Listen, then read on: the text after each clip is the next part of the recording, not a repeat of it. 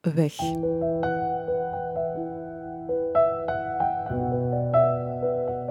Deze podcast begint omdat zoveel dingen eindigen. Omdat je onderweg zoveel kwijtraakt.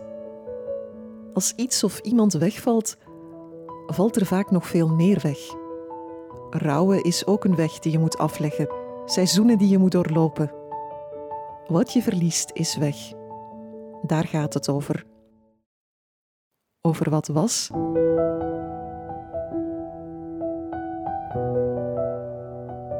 en nu weg is.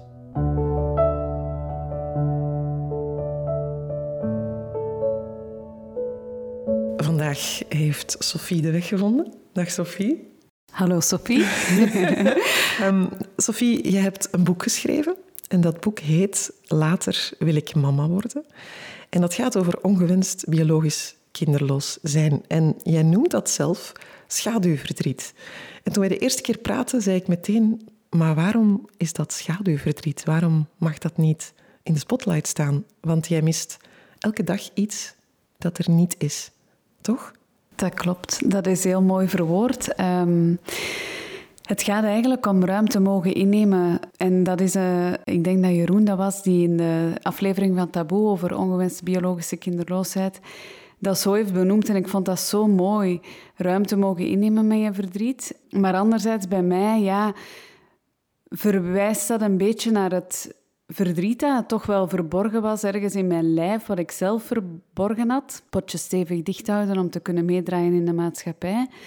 Maar ook, ja, ik heb alles om gelukkig te zijn. Dus dat verdriet zit wel een beetje in de schaduw daarvan. Is ook misschien ook een beetje taboe. En vandaar dat ik dat eigenlijk schaduwverdriet heb benoemd. Hè. Is dat taboe?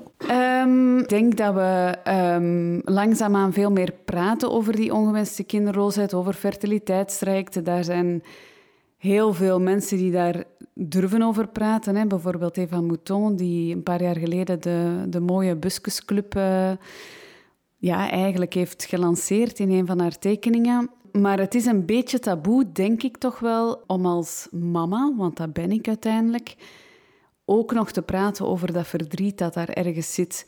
Want heel veel mensen denken dan, of ik heb het gevoel dat heel veel mensen dat denken, en soms ver, uh, verwoorden geadopteerde, volwassen geadopteerde, dat ook wel een beetje zo van, ja, ben je dan niet blij? Moet je nu niet uh, ja, super dankbaar zijn um, voor die twee kinderen die jullie hebben geadopteerd? En dat is ook zo. Ik bedoel, dat is zo moeilijk en dat is de koortdans tussen super gelukkig, dankbaar, onvoorwaardelijke liefde, maar ergens dat hele grote litteken dat daar zit in mijn hart en in mijn lichaam, in mijn zijn toekoer. In je dus buik? Ook, ja. Omdat die leeg is gebleven. Ja.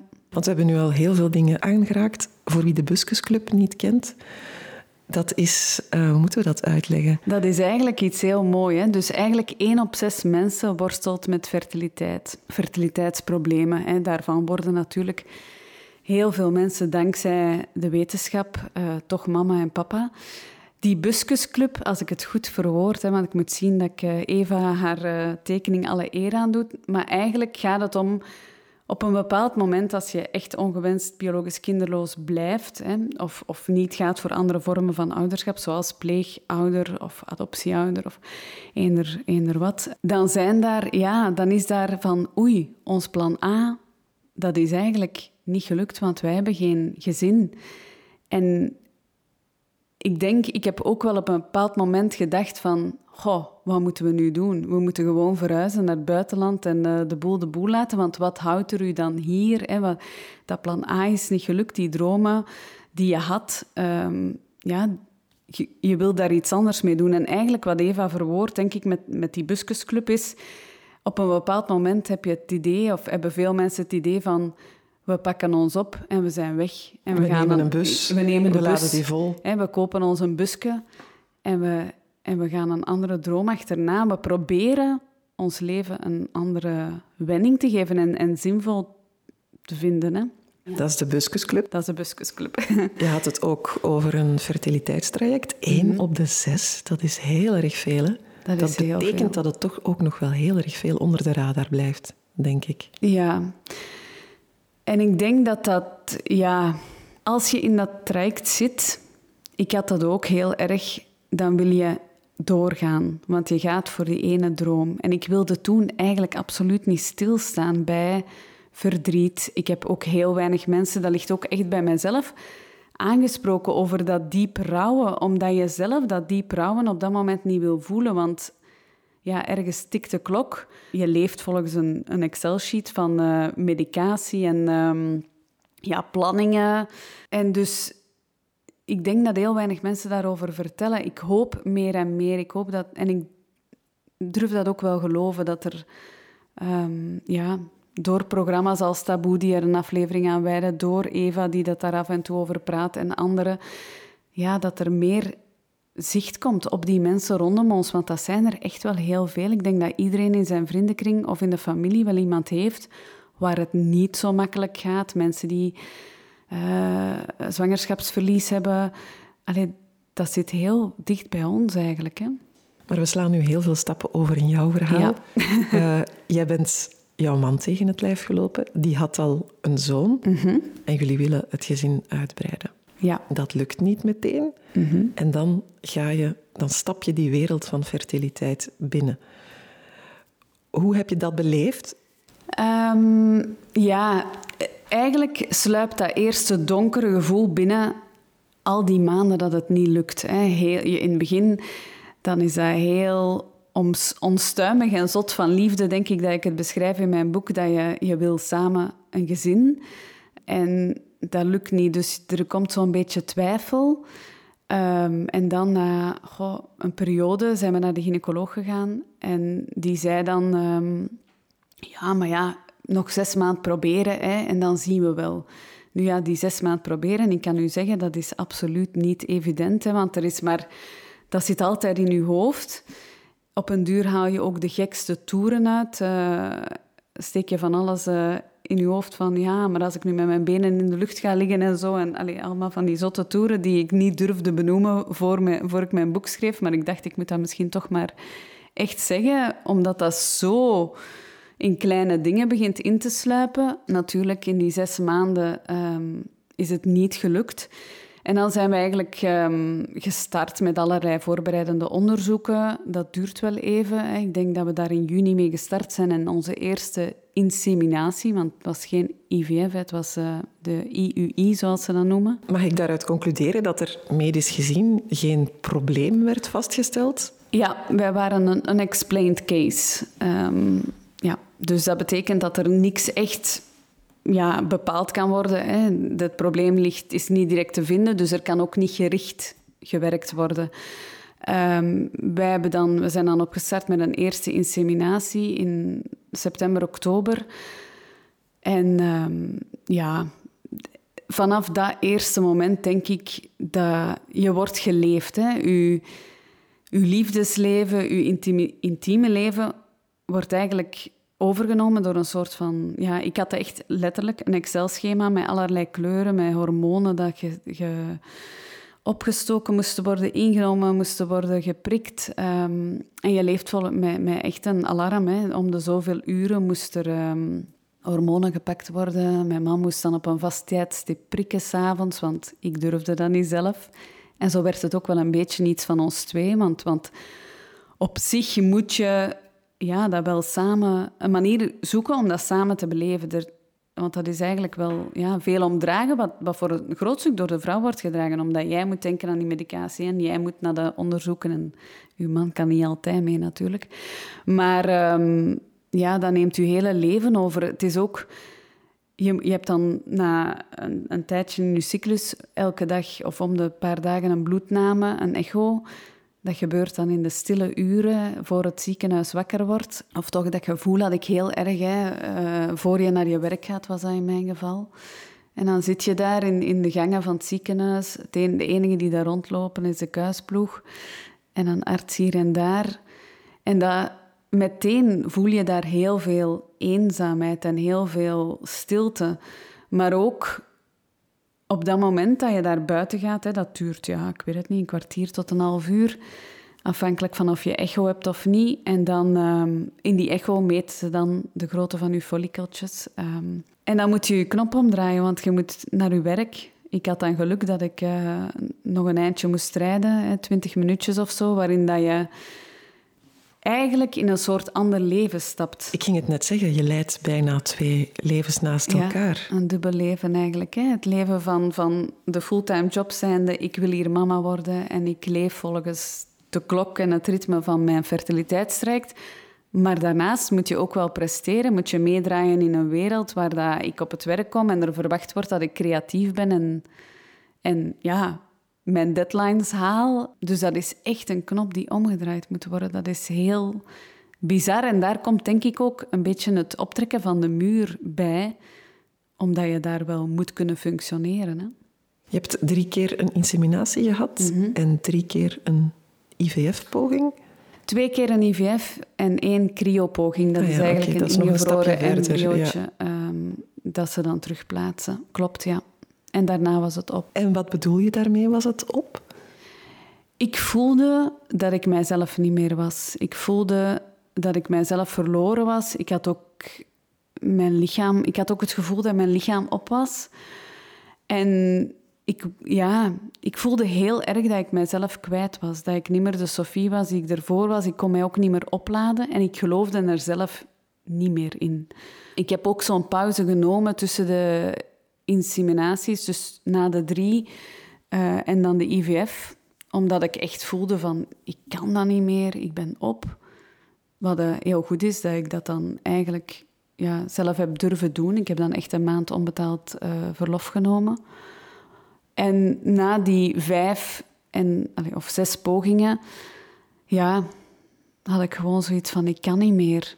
Ik voelde dat heel erg zo aan. En mijn man ja, heeft mij daarin laten beslissen, maar heeft mij ook nooit meer terug laten gaan. Want ik heb ooit nog wel getwijfeld om opnieuw op te starten, maar uh, dat wilde hij niet meer. Hoe oud was je toen? Um, hoe oud was ik toen ik stopte? Um, in de dertig, ja. Uh, Want in de weg van fertiliteitsland zou je kunnen zeggen dat is, dat is eerder kort. Er was nog ruimte. Absoluut, absoluut. Er was nog ruimte. Uh, er zijn heel veel mensen die veel meer pogingen ondernemen. Dus er waren ook nog terugbetalingen en zo. Dus er was niks dat ons tegenhield, behalve mijn lijf en mijn, mijn hoofd en mijn hart. En blijf je dan zo ergens niet zitten met... Wat als? Wat als? Absoluut. Absoluut. ik, niet in het begin, omdat we Um, we hadden al heel lang daarvoor gepraat over adoptie, nog voordat we aan ons fertiliteitsrijk begonnen. En een paar maanden na de stop hebben we ook besloten om te gaan voor interlandelijke adoptie. En dan stond mijn blik daar ook volledig naar. Ik kon niet en adoptie zwanger zijn, ook al zou dat nog jaren duren, en gaan voor een, een biologisch eigen kind. Maar laat ons zeggen dat ik ja, in de periode toen Lydia pas hier was, ehm, ook nog wel heb gedacht van, hm, zouden we niet toch nog eens proberen? Maar dan heeft mijn man gezegd, nee, dat, dat gaan we niet meer doen, omdat hij voelde van, ja, dat woog zo zwaar op mij. Hij wou dat niet nog eens... Uh... En begrijp ik dat ook goed, dat de keuze voor adoptie eigenlijk bijna niks is, waarschijnlijk te zwaar uitgedrukt, maar los stond van het feit dat je zelf niet zwanger kon worden? Dat dat eigenlijk sowieso een positieve keuze was geweest? Absoluut. We hebben, dat was eigenlijk, eigenlijk is dat heel gek, maar we hebben, toen we net samen waren... Het was duidelijk dat wij allebei heel graag kinderen wilden. En dan hadden wij het ook over, over adoptie en hoe graag dat wij een kindje dat niet van ons of biologisch is, zouden kunnen zien. Misschien als je in, in dat tijdperk was dat misschien ook een beetje naïef en, en um, onbezonnen, denk ik dan wel. Want adoptie is een heel grote stap en is een heel groot verhaal. Met heel veel gevoeligheden. Maar dat was absoluut voor ons geen uh, plan B eigenlijk. Nee. Dat was een plan A naast dat andere plan A. Ja. Maar dat eerste plan A gaat dan niet door. Je stopt mhm. met dat fertiliteitsverhaal. Ja, ik kan me dan voorstellen dat ik als we elke keer of elke maand toch zou denken, goh, mm. wie weet. of niet. Of ben je zo vervreemd van je lichaam dat het ook moeilijk wordt om nog van intimiteit te genieten. Ja, absoluut. Intimiteit is tot op heden een moeilijk iets. En ik denk, ik hoop dat dat ooit verandert, maar ik, dat weet ik niet. Mijn lichaam werd eigenlijk een beetje verpakking en is nooit echt. Ik ben nooit. Ja, ik ben de liefde voor mijn lichaam wel verloren, omdat mijn lichaam wel gefaald heeft in mijn gevoel. Maar los daarvan, want dat is een verhaal apart, denk ik wel, maar ehm, ik, heb, ik ben, en dat is eigenlijk heel grappig, want ik ben ja, nooit uh, zwanger geworden, maar ik ben, ben wel de pil terug beginnen nemen toen wij adoptie opstarten, omdat ik zoiets had van, ja, ik, uh, ik kan nu niet zwanger worden, wat heel bizar is eigenlijk. Hè? Maar goed, ik, uh, ik kon die twee niet naast elkaar. Ik, ik had mijn, mijn, mijn gevoel ging volledig uit naar die adoptie. En ik zeg het, dat was ook een plan A, dus ik kon niet plan... Ja, de, de, de biologische wens werd op dat moment plan B. Hè? Een beetje. Stel dat ik zwanger zou worden, dat zou alles overhoop gehaald hebben. je zei het net, adoptie is geen evident verhaal. Misschien een beetje naïef, denk je. Ik ga een kind opvangen met alle liefde. Mhm. En dat is voldoende. Maar dat is niet voldoende, denk ik. Er komt heel veel bij kijken. Er komt heel veel bij kijken. En ik denk dat we dat nog elke dag ervaren en elke dag leren. Um, adoptie is op zich ook een, een, een, echt een verhaal apart. Maar het adoptietraject het is ook een heel zwaar traject. Maar dan vooral mentaal, denk ik. Um, mentaal um, is het hopen, maar zo ja, ook zo'n administratieve mallenmolen, zo emotioneel, heel onzeker tot op het allerlaatste moment. En ja, wij hebben natuurlijk we hebben twee prachtige kinderen, maar eentje daarvan heeft ook complex trauma of posttraumatisch stresssyndroom, wat ook maakt, en dat, dit, dat is ons ook gezegd hè, van in het begin tijdens de adoptievoorbereiding, want dat is best wel een zwaar traject. Elk kindje heeft zijn rugzak. Ik heb ook mijn rugzak. Hè. Maar um, ja, dat is wel iets dat heel vaak onderschat wordt bij het begin van zo'n adoptieprocedure. Wat die rugzak doet in uw dagdagelijkse leven. Ik begrijp wel heel goed dat je zegt, ik had dan de ruimte niet om nog met een eigen zwangerschap mhm. bezig te zijn. Dat slorpt zoveel op. Mhm. Heel veel wachten. Jouw, jouw leven heeft toch heel lang bestaan uit wachten? Ja, onhold. Onhold, ja. ja.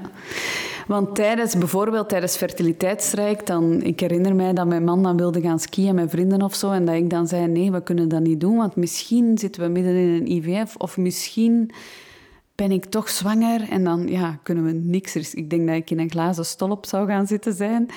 En dan ja, in het wachten op een adoptiekindje leef je ook onhold. Hè. Alles is wachten, alles. En dat is, als je al die jaren optelt, is dat heel lang heel lang wachten, maar in die tijd loopt het leven van andere mensen wel verder. En mhm. word je heel vaak geconfronteerd ja. met bolle buiken, met goed nieuws, met geboortekaartjes. Ja, heel moeilijk. En ik zie nu dat ik daar eigenlijk ehm, veel meer had moeten spreken en vaker had moeten zeggen van sorry, maar voor mij is dat een beetje moeilijk of ik kom liever niet naar de materniteit. Uh, ik heb dat niet gedaan. Maar ik sloot me daar enorm voor af. Hè. Ik heb geen enkele zwangerschap van mijn vriendinnen of van mijn schoonzussen mee beleefd. Ik kon dat niet.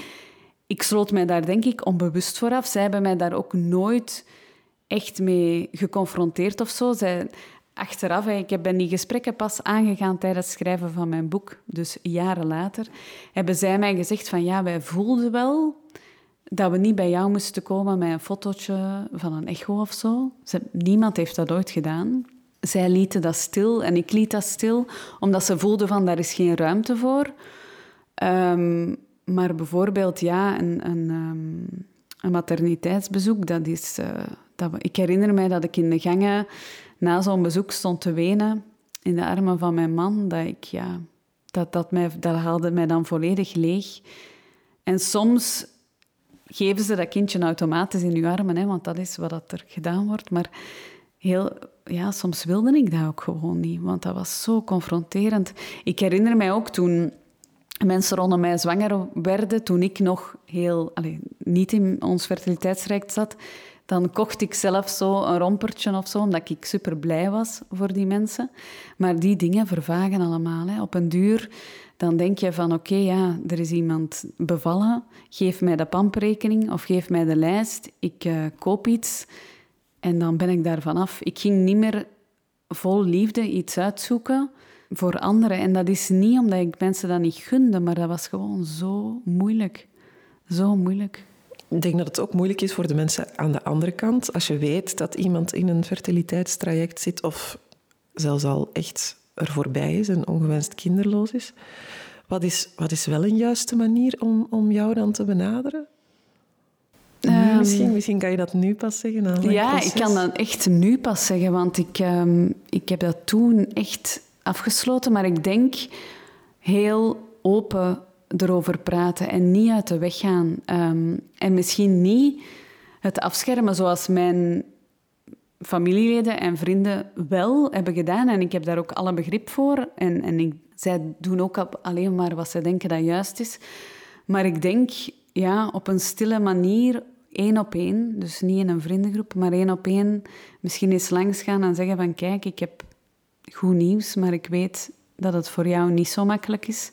En die ruimte laten. Misschien, ik word er een beetje emotioneel van, maar misschien een beetje ja, stil zijn samen en, en zien wat dat er kan. Uh, ook misschien blijven aftasten van wil je dat ik erover vertel of net niet.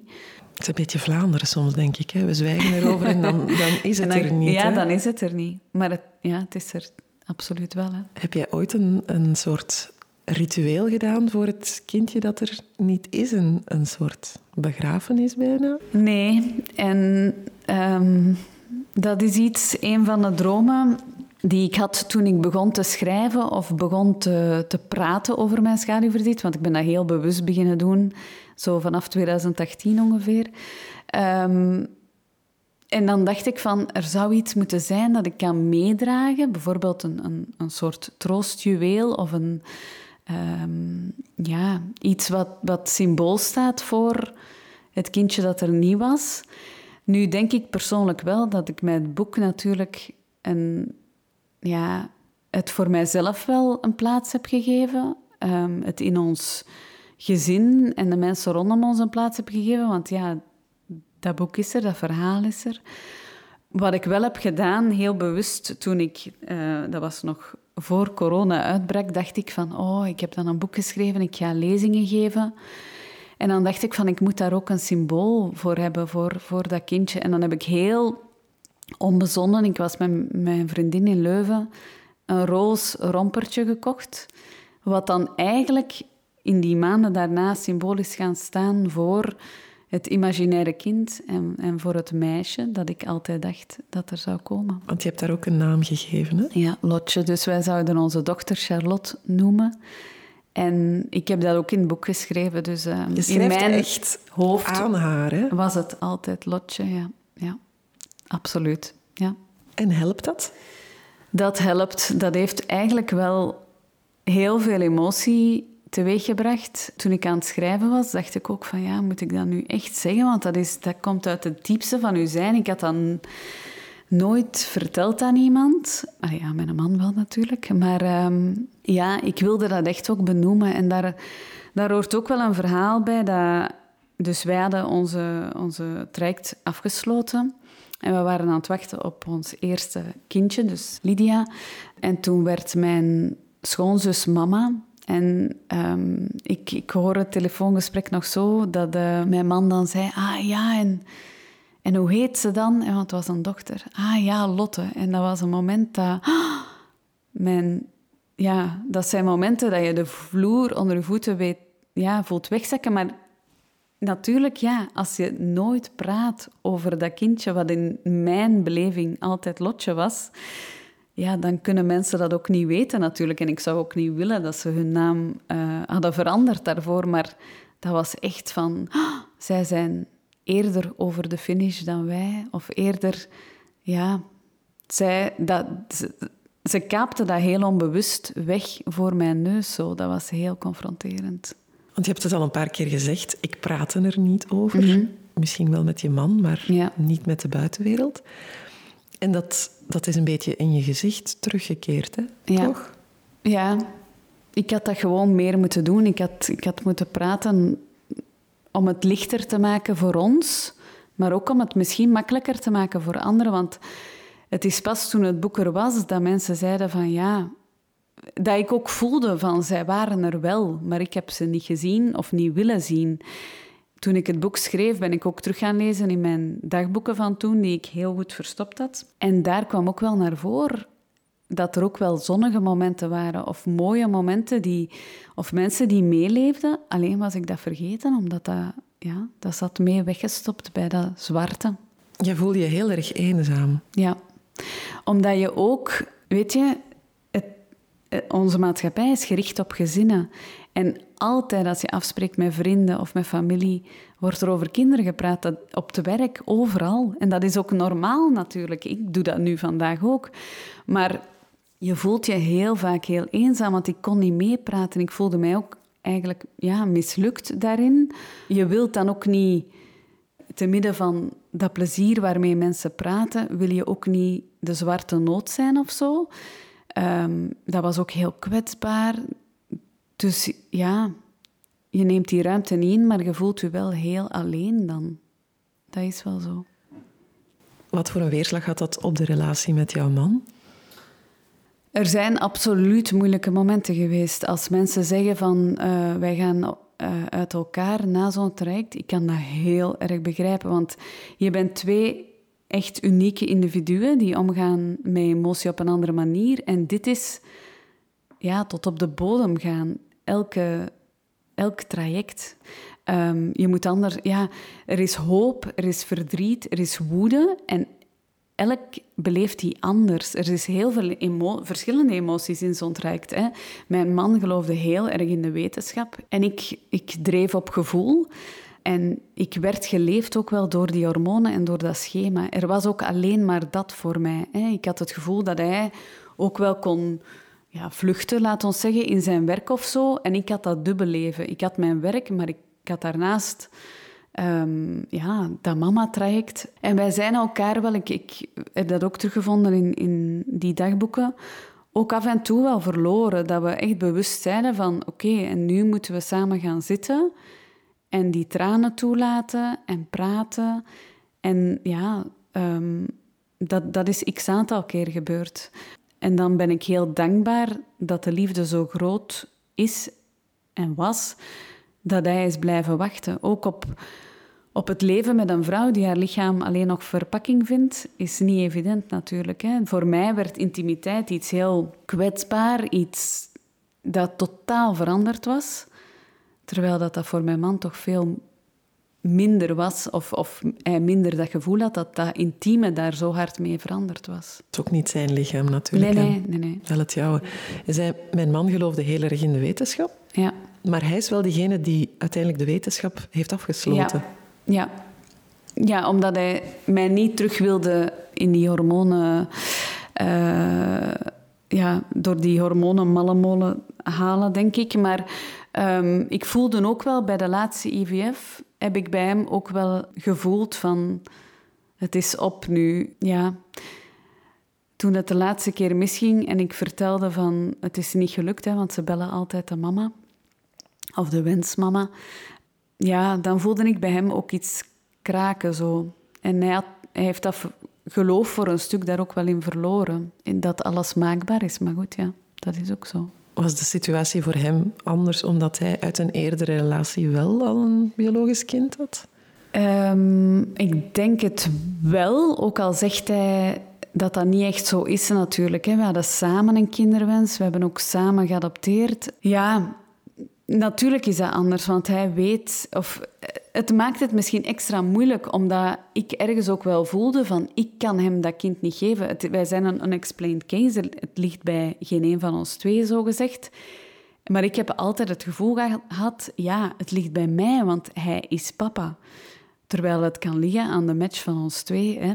Ja, ik blijf tot op, tot op de dag van vandaag denken dat dat voor hem een iets ander gevoel moet zijn Um, en hij heeft natuurlijk die, die mallenmolen in zijn eigen lichaam niet gevoeld. Maar ik denk dat hij evenzeer een kindje van ons twee had gewild, daarnaar verlangde, uh, net als dat we samen uh, zo blij zijn met onze kinderen.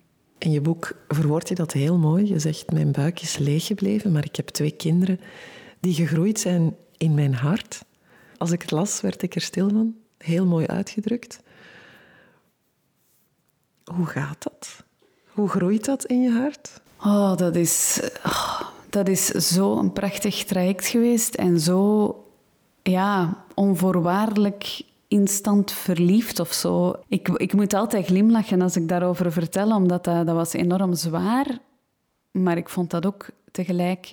Ja, dat is een beetje alle kleuren van de regenboog. Hè. Heel vaak grijs, omdat je die administratie door moet, al die onderzoeken, psychologische testen. Uh, daar komt wel heel veel bij kijken, heel veel wachten. Maar er is ook veel vriendschap tussen de mensen die samen wachten. Want wij hadden zo een stiekeme adoptielijst van de adoptieorganisatie. Wij mochten officieel geen, uh, geen wachtlijst bijhouden of zo onder ouders, maar we deden dat wel. We kenden elkaar ook allemaal. En dat was heel fijn om dat samen te beleven. Dat was een, een, een warm nest waar je uh, terecht kon. Maar hoe groeit dat? Ja, je, je, wacht op een kindje. Je maakt eigenlijk, je bouwt een nest thuis, maar je weet niet voor wie. Want dat kon een kindje zijn, in ons geval, uh, tussen de 0 en de 2 jaar. Uh, een jongen of een meisje. Dus, dus dat kan ja, alle kanten uit. Ik kon ook niks kopen. Ik durfde ook niks kopen in die periode. Um, maar dan ja, op een gegeven moment kom je in, hè, weet je van ja, we zitten in de top 10 van de wachtlijst, dus het kan elk moment gebeuren hè, dat ze je dossier matchen en dan krijg je een toewijzing. En dan ja, dat moment dat ze u bellen en zeggen, uh, we hebben een dochter uh, voor jullie en, en ze heet Lydia en ze, ze is geboren op 8 juli 2009, dan, ja, dan, dat, ja, was ongelooflijk. En dan dan volgen er alleen nog maar momenten van, van ja, in, enorm geluk. Het is niet waar, want je moet ook weer wachten tot je haar kan gaan zien. Maar dan heb je die foto, dan kan je echt... Dan, dan wordt het concreet. Plots in ons huis, in elke kamer van ons huis, stond er een foto van haar. Uh, ook al was dat dan in het begin dezelfde, want je kreeg maar één. Hè. Uh, maar ja, plots hadden wij een dochter. Ook al moest er dan nog een rechtbankzitting volgen en was ze nog lang niet thuis. Maar we hadden wel een dokter op dat moment. Hoeveel tijd zit daar dan tussen? In Lydia's geval hadden wij de toewijzing 15 eh, juli en zij was thuis 23 december. In, zijn wij geland in Zaventem, ja. Dat is nog een hele zwangerschap, soort van, die ertussen zit. Hè? Ja, en dan ook daar voel je je enorm machteloos, want je moet wachten op een rechtbankdatum. Op die rechtbank kan natuurlijk ja, kan ook negatief zijn. Want daar wordt dan nog eens volledig nagekeken van, is zij adoptabel? Uh, ja, zijn die mensen geschikt om te adopteren enzovoort. Hè. In Ethiopië zelf is dat dan. Dat was in ons geval in Ethiopië. Ja, en dan, dan volgt die... We hadden een rechtbanksluiting daartussen en zo, waarvan je dan denkt, nee, geen rechtbanksluiting. Uh, twee reizen, dus we hebben haar mogen ontmoeten voor het eerst in november. Dan hebben we daar, zijn we live op de zitting geweest. Dan moesten we naar huis komen. Gelukkig hebben we dat kunnen... Uh, waren dan maar vijf weken bij ons tussen de twee reizen. En dan mochten we haar eindelijk thuis brengen. Hoe ga je daarmee om dat zij in een andere buik heeft gezeten? Um, ik ben daar enorm... Ja, dankbaar voor. Ik voel ergens in mij een heel diepe verbondenheid of zo met de mama die haar gedragen heeft, ook al kennen we haar niet. Hè. Ja, er is een heel mooi gedicht, The Mother Bridge of Love, wat praat over de twee mama's. Hè. De mama die het kind gedragen heeft, die het degene meegeeft, en dan de mama die er nu is om het kindje ja, op te voeden in de wereld. Maar ik ben ervan overtuigd dat wij samen mama zijn van onze kinderen. Jij draagt haar en ook je zoon nu door het leven, hè? Ja. Niet in je buik, maar wel ja. de rest van de weg. Absoluut. Dat is ook zo en dat is iets wat ik voor mijzelf niet altijd zie. Ik had het daar deze week nog over uh, met, uh, met mijn psychologe, dat ik zei van ik heb mijn als voorbereiding ook voor dit gesprek ehm, had ik het er met haar kort over. En, en ik zei tegen, tegen mijn psycholoog ook van, ik heb mijn kinderen niet gedragen. En zij zei, ja Sophie, maar je draagt ze sinds ze hier zijn, elke dag. En dat, ja, dat is ook zo. Maar dat is iets dat ik dan heel erg moet, zelf moet zien of zo. Dat, dat is onbewust heel erg waar. Maar ik blijf het heel bijzonder vinden dat iemand anders onze kinderen gedragen heeft, op de wereld heeft gezet. Stellen zij daar soms vragen over? Weten zij van Lotje? Wel, Lotje is ter sprake gekomen toen ik mijn boek schreef. Zij wisten ook natuurlijk lang daarvoor al uh, dat mama en papa geen kindjes zelf konden krijgen. en dat wij een medisch traject hadden doorlopen. Dat dat niet gelukt was. Daar is altijd wel over gepraat in kindertermen. En, en af en toe niet met het zware gewicht dat het boek dan wel bracht. Tijdens het schrijven ben ik daar heel open over geweest. En dan um, heb, heb ik dat ook wel benoemd. En ik... Mijn dochter heeft op een bepaald moment een tekening gemaakt van een slapende baby en daar lotje bij geschreven en die aan mij gegeven. En dat was voor mij wel een symbool van, ja, dat mag er gewoon zijn. Ehm, en wij hebben een shoot gedaan, een fotoshoot, naar aanleiding van het boek, waar het roze rompertje ook mee was. Dus waar eigenlijk een foto gemaakt is van ons, onze kinderen en Lotje dan. Wat heel speciaal is. Ik heb het gevoel dat dat iets is wat, wat jij bijna hebt moeten leren, mhm. dat het er mag zijn. Ja dat verdriet. Nog elke dag. Uh, ja, dat, ja, dat is iets dat ik mijzelf nog altijd moet van overtuigen dat dat mag. Um, en, en ja, dat is zo bij. Uh, ze, noemen dat ook zo mooi levend verlies. Maar levend verlies moet je ja, durven benoemen, denk ik ook. Um, ja. Ik vind dat heel moeilijk tot op de dag van vandaag om daar ja, vaak over te praten. Hoewel dat dat deel uitmaakt van wie ik ben of ben geworden, absoluut. Ja. Is het omdat het niet iets tastbaar is dat je bent verloren, dat dat zo moeilijk is?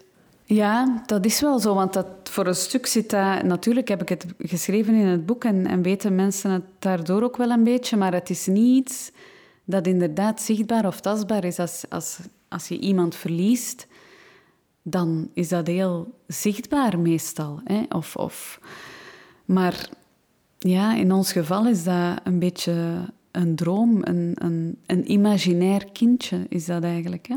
Ja. Had je onderweg iets anders gedaan als we nu zouden teruggaan naar de Sophie van 20 jaar geleden? Nee, ik zou het.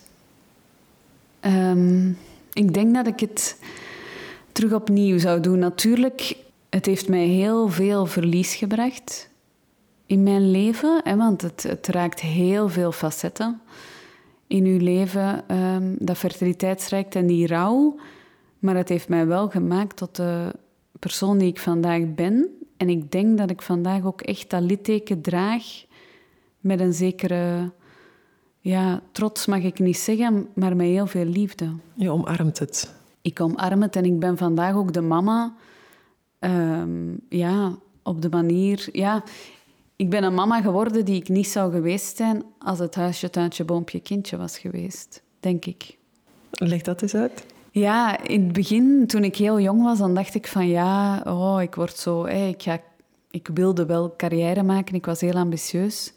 En ik ging ook wel... Ja, ik, misschien is dat heel uh, naïef, maar ik dacht dan van ja, kinderen kunnen naar de crèche enzovoort. En ik weet, toen Lydia thuis kwam, dan ben ik zo moederkloek geworden. En ja, die, dat gevoel was helemaal anders. Ik, heb, ik had denk ik niet die bezorgde, zorgzame mama geweest die ik ben geworden door het hele traject. Ik, ben, ik probeer mijn kinderen ook heel erg te lezen. Heel erg tussen de lijnen. Ik denk dat die rugzak heeft gemaakt dat ik hun ja, gevoel veel meer probeer aan te voelen. En als het allemaal evident en makkelijk was verlopen, had je daar minder bij stilgestaan en dat meer denk ik. Ja. in de race van het leven. Dat denk ik wel, ja. Absoluut. Mhm. Is dat dan het positieve dat we daar mogen uithalen uit jouw traject? Ja, ja, dat denk ik wel. Ik ben een ander, of ik ben een zachter persoon geworden, denk ik, maar ook kwetsbaarder. Ik denk dat ik dat ook door het schrijven van het boek veel meer durf benoemen.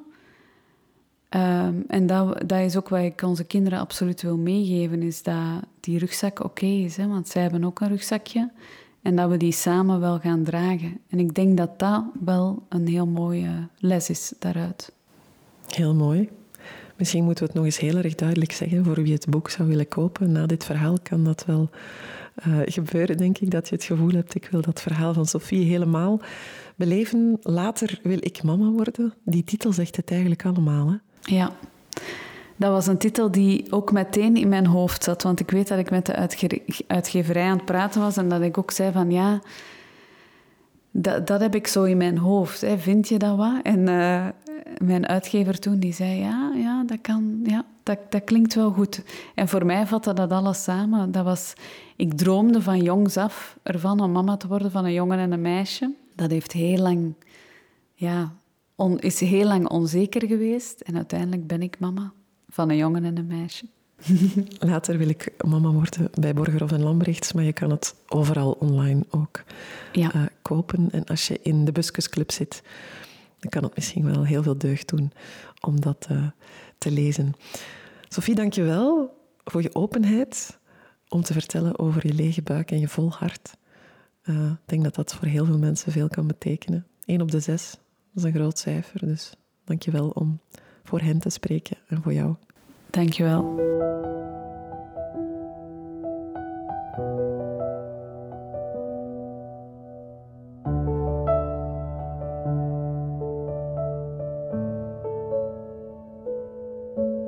Ik ben Sophie Verschuren en ik maak deze podcast helemaal alleen. Van eh, research tot redactie, opname en montage. Ik doe het allemaal. Dat is ongelooflijk veel werk, maar ik doe het met hart en ziel. Ik hoop dat je dat ook hoort. Als je er iets aan gehad hebt, dan zou het heel fijn zijn als je dat deelt met mensen. Want alleen zo kunnen we rouw en verlies nog meer bespreekbaar maken. Kunnen we die pijn verzorgen en ook samendragen, waardoor die lichter wordt. Het kan enorm helpen om weg een goede review te geven in de app waar je geluisterd hebt of om overweg te vertellen op jouw eigen sociale media of tegen vrienden of de buurvrouw of de bakker. Want we zien het niet altijd. Rouw en verlies zit heel vaak diep weggestopt, maar het is er wel. Ik zou het zelf heel erg fijn vinden om nog meer te kunnen maken, meer podcasts, maar platformen zoals bijvoorbeeld Spotify betalen op dit moment nog niets aan podcastmakers en ook op andere manieren is het eigenlijk heel moeilijk om voor dit werk verloond te worden.